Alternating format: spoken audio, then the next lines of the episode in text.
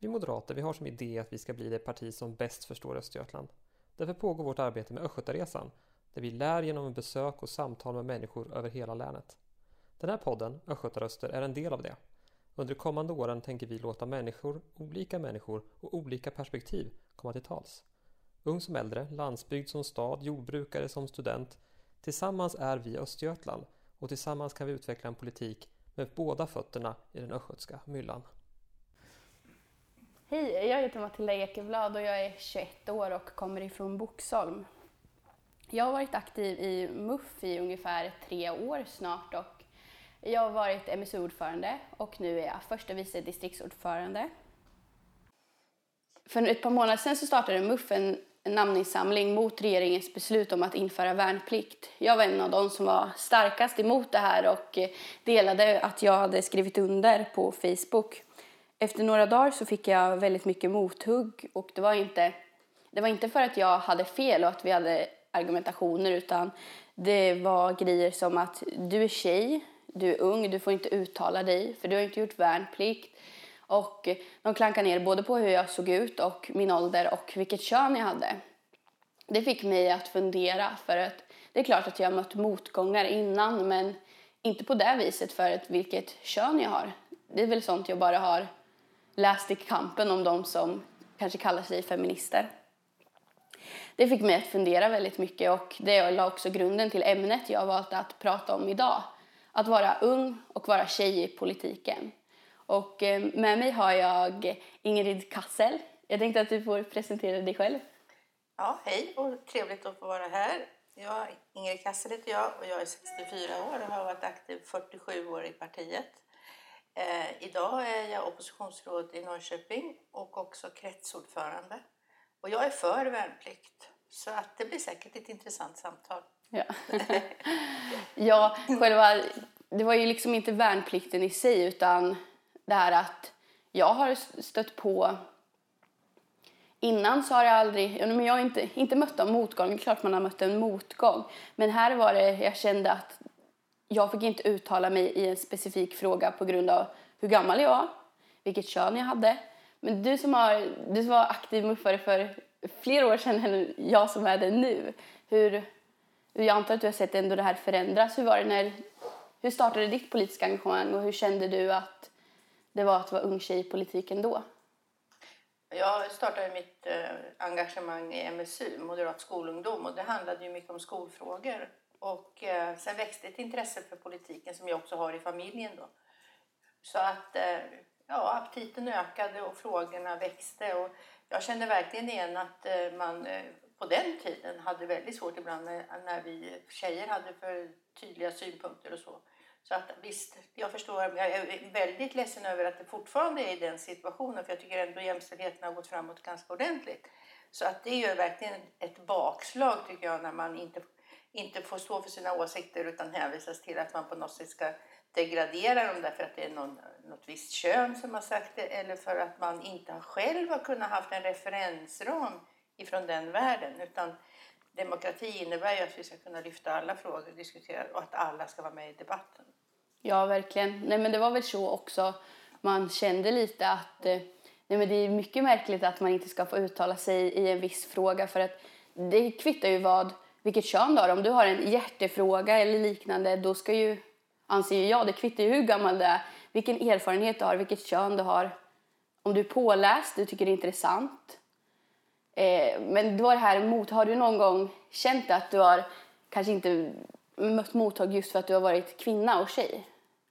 Ja, det har jag säkert jag har gjort flera gånger, säkert för många, många år sedan. Och en av de frågorna som har varit, har varit dagisdebatten där många män som aldrig har lämnat ett barn på dagis har väldigt mycket åsikter. Och där kan man ju vara tuff och säga då, hur känner ni och hur, hur upplever ni när ni lämnar barn och så. Och då blir det ju väldigt tyst runt bordet för då visar det sig att det är män som sitter och bestämmer om det som de har synpunkter på men har aldrig deltagit i det hela. Det är liksom jämförbart mot, mot värnplikten. Va? Vi får inte dela upp samhället i det ena eller andra då, utan vi måste kunna diskutera allt i alla åldrar. Det är liksom det som är en riktig demokrati.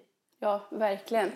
För att men du måste ju ändå också ha sett på något sätt hur det här har förändrats över tid Och att även om vi nu i 2017 kan man kan möta mothugg och eh, liknande för ja, vilket kön man faktiskt har så det var ju mer mansdominerat politiken för, ja, för 40 år sedan. Ja. Idag är jag ju inte, jag är inte ensam tjej på långa vägar.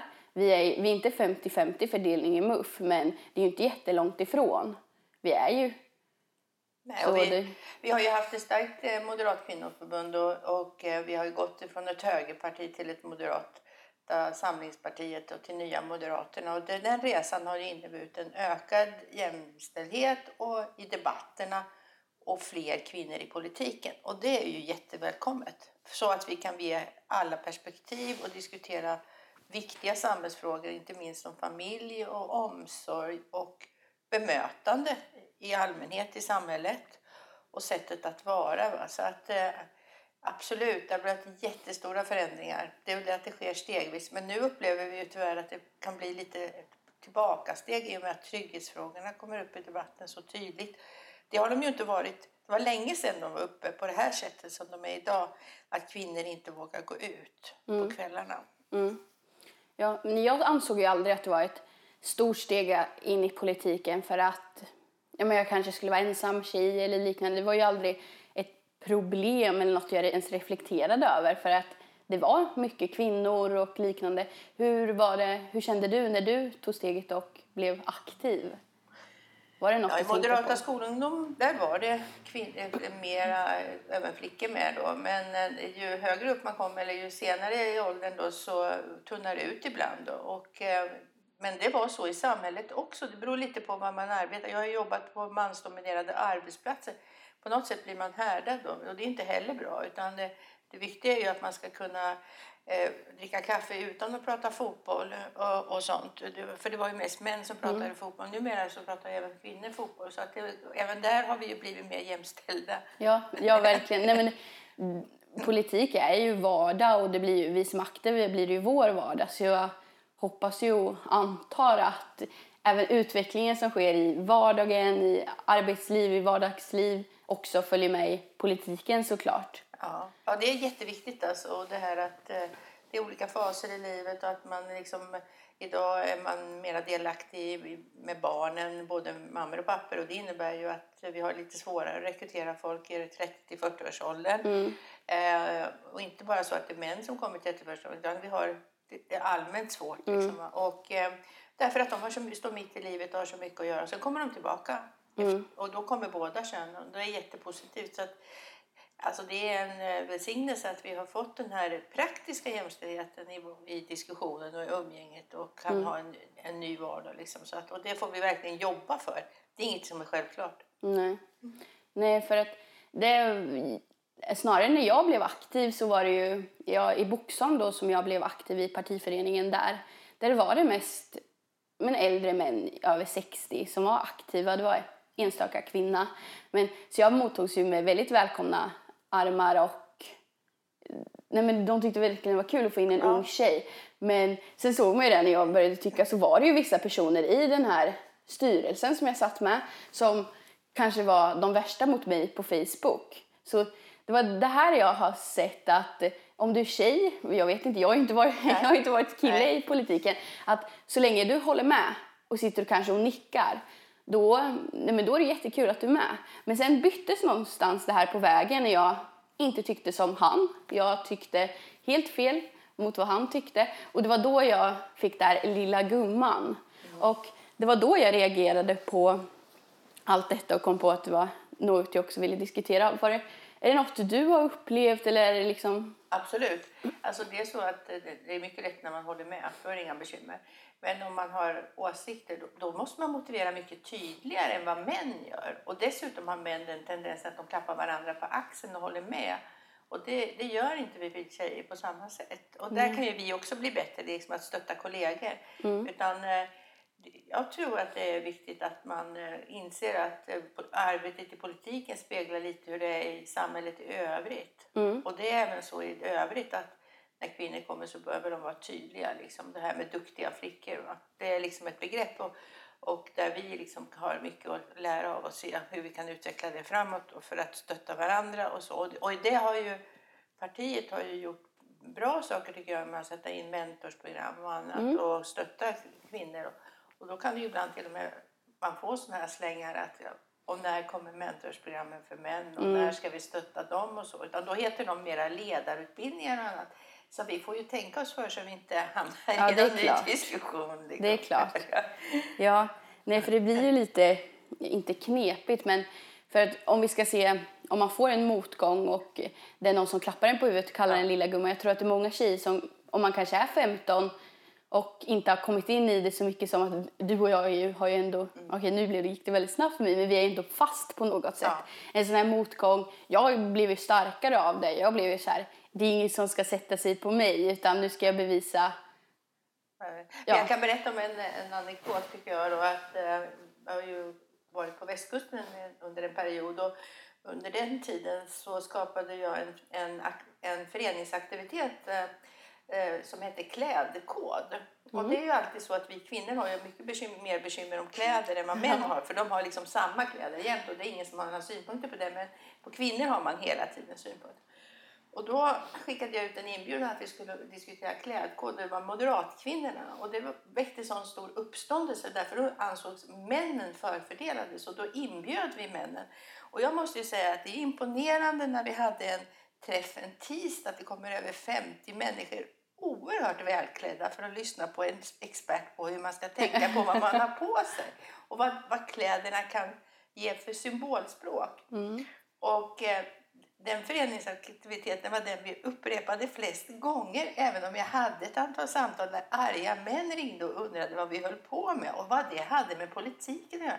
Men i jämställdhetssynpunkt var det faktiskt nog ganska talande. Ja, jo verkligen. Ja, nej, Ja. men det var ju intressant. Ja. Verkligen. Så att, eh, ja, det var flera som efteråt kommenterade och sa att idag ska jag göra det här så jag är klädd så här och idag ska jag göra så här. Då känner man så här, oj, ja, det har en viss påverkan. Ja, verkligen. Men tror du att tjejer och kvinnor då tänker mer på hur man klär sig, hur man för sig, hur man för fram sina argument och liknande för att bli tagen på större allvar i politiken? Ja, så har det varit. Ja.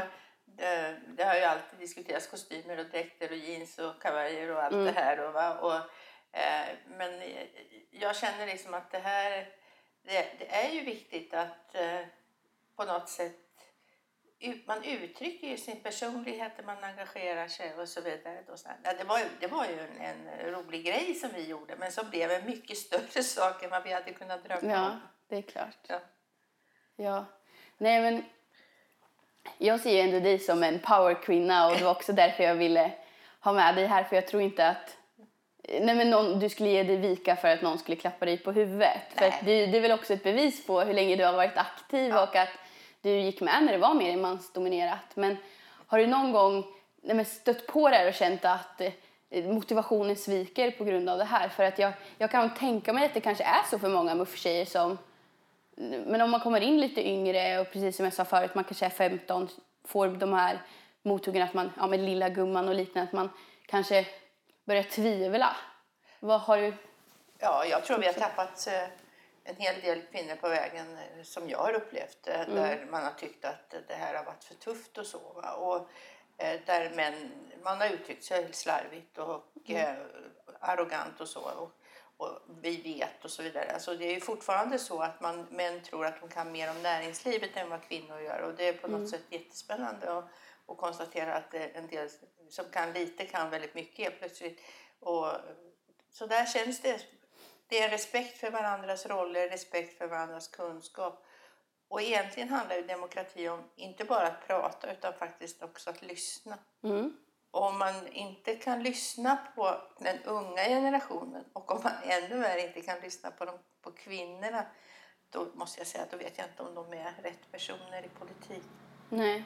Nej, för det, det har jag också funderat ganska mycket över just det här att i MUF, då är det ingen, då skulle inte killarna, nej men du är tjej, liknande, utan det har ju varit det här äldre generationen. Tror du att det är något med tradition och den generationen typ? För att om man skulle kolla till exempel min Facebook-status, då är det ju de som skrev de här grejerna. Det var ju ingen som var under 60 i princip. Det låter ju förskräckligt. Och för är det mesta, typiskt. ja liksom så.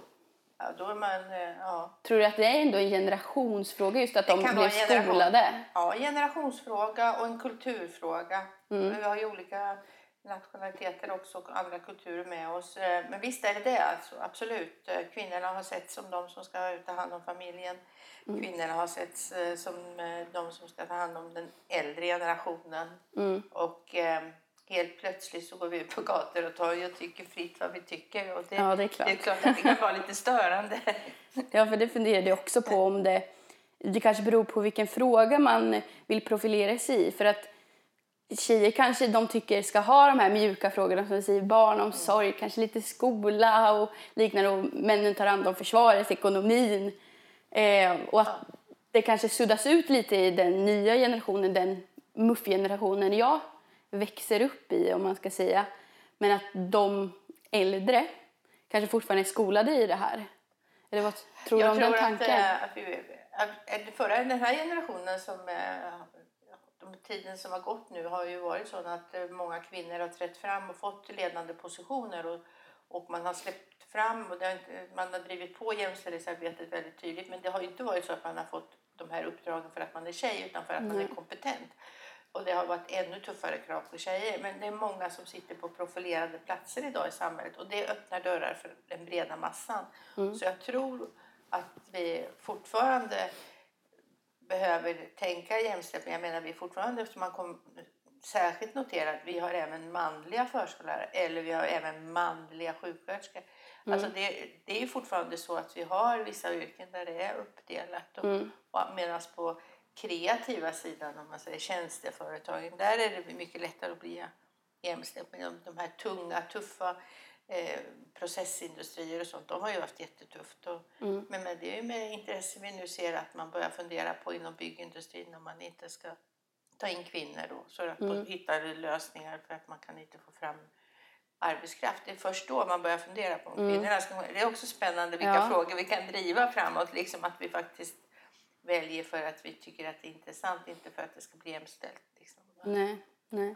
Nej, för något som man inte kan nästan undgå att tänka på det är ju när Anna Kinberg Batra blir första kvinnliga statsminister. Tror du att det underlättar för tjejer att ta ett steg in i politiken? För att vi har ju faktiskt aldrig haft någon... Vi får ju framträdande kvinnor som partiledare framför allt nu, både i Alliansen. Och de får mer framträdande roller och liknande. Tror du att det hjälper? Och det kan hjälpa till viss del, men den, den, stora hjälpen är att det finns kvinnor på många nivåer på alla, i alla typer av frågor. Att vi finns med i olika nämnder ute i kommuner, att vi finns med i, vid kaffeborden, att vi kan prata politik. Liksom. Det ger nästan större effekt tycker jag än en enskild person. Därför att, att driva politik är ju vi då och inte jag. Nej. Och, Nej, och, eh, och fokus, fokuseringen på vem som är chef eller ledare är ju en sak. Men om man ska förändra då är det den stora massan. Mm. Och respekten för individen. Ja. För kvinnan och mannen och eh, Ja, det är klart. individen. Ja, men precis. Ja. Och att det är väl väldigt viktigt att se sig som ett team oavsett om man är kvinna eller man. Det är självklart att ja, men jag är kvinna och den här personen är en man, men vi måste ju ändå på något sätt vara ett team och jobba fram till det här. Ja, för oss moderater som liksom ser på valfriheten och varje individ.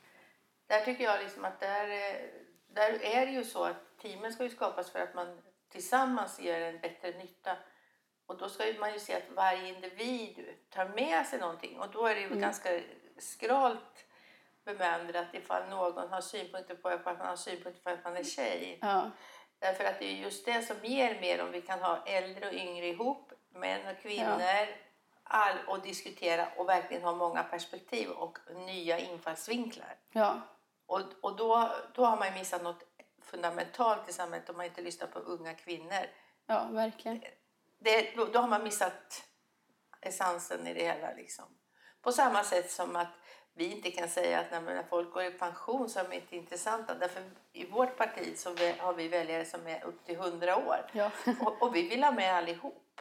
Vi vill ha med dem i diskussionen utifrån den egna kraften. Ja, verkligen.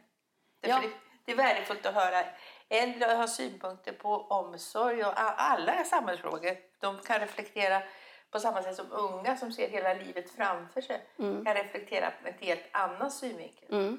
Och då kan vi göra något riktigt bra. Ja, det tror jag verkligen är en viktig tanke att inte glömma bort. Ja, men det är som säger klyschigt, alla behövs. Ja, För precis. Och eh, det bästa teamet är de där det är olika människor och där man inte... Ja, man kan säga att man har en gemensam värdegrund men man kan se saker och ting och det finns anledning att diskutera. Mm. För om det inte finns någon anledning att diskutera då vet jag inte, då har vi nog tappat själen. Ja, verkligen. Men om vi ska börja sammanfatta lite då vad det är vi har, inte kommit fram till kanske, men hur tror du att, vi tror ju ändå att på något sätt att det har förändrats till det Ja. bättre. Eh, för det tror jag absolut, just för att inte, mer välkomnande kanske är fel ord, men det är inte lika hög tröskel, eller det är i princip ingen tröskel. I alla fall i, så som jag upplevt det i Östergötland och MUF Östergötland. Det är ju ingen tröskel att vara kvinna. Nej. Det, är ju, det kvittar om du är kvinna eller man eller så.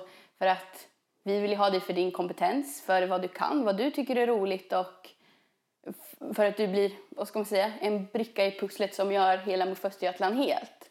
Ja, vi För måste- att jag tror att man behöver ju alla typer av individer och att man, och man ser ändå någon sorts acceptans i ungdomsförbundet i alla fall. För där har jag aldrig sett någon skillnad, att någon tycker att det är skillnad om du är tjej eller kille. Utan det var först när man kanske var 18 och man argumenterar mot en herre som är 75. Det var då man fick höra lilla gumman och liknande. Att det var först då man ja, börja reagera. Ja, precis. För att jag har inte upps- eh, Jag har hört de där problemen och folk säger men jag har faktiskt nästan aldrig upplevt det. Men det är lika oförskämt som man skulle säga lilla gubben. Liksom. Ja. Utan eh, nej, vi måste jobba för att eh, vi betraktas som individer och som den kraft vi är där vi tillsammans kan föra en positiv dialog om att förbättra livet och vardagen och få ett bra samhälle. Ja, verkligen. Och då behövs tjejerna. Ja. Det tycker jag låter som en bra avslutning. Tack snälla för att du var med. Tack själv! Om du vill följa hela vårt arbete med Östgötaresan eller bli en del av den, besök östgötaresan.se eller sök efter Östgötaresan eller Moderaterna i Östergötland på Facebook. Vi hörs och hoppas att du får en fin sommar.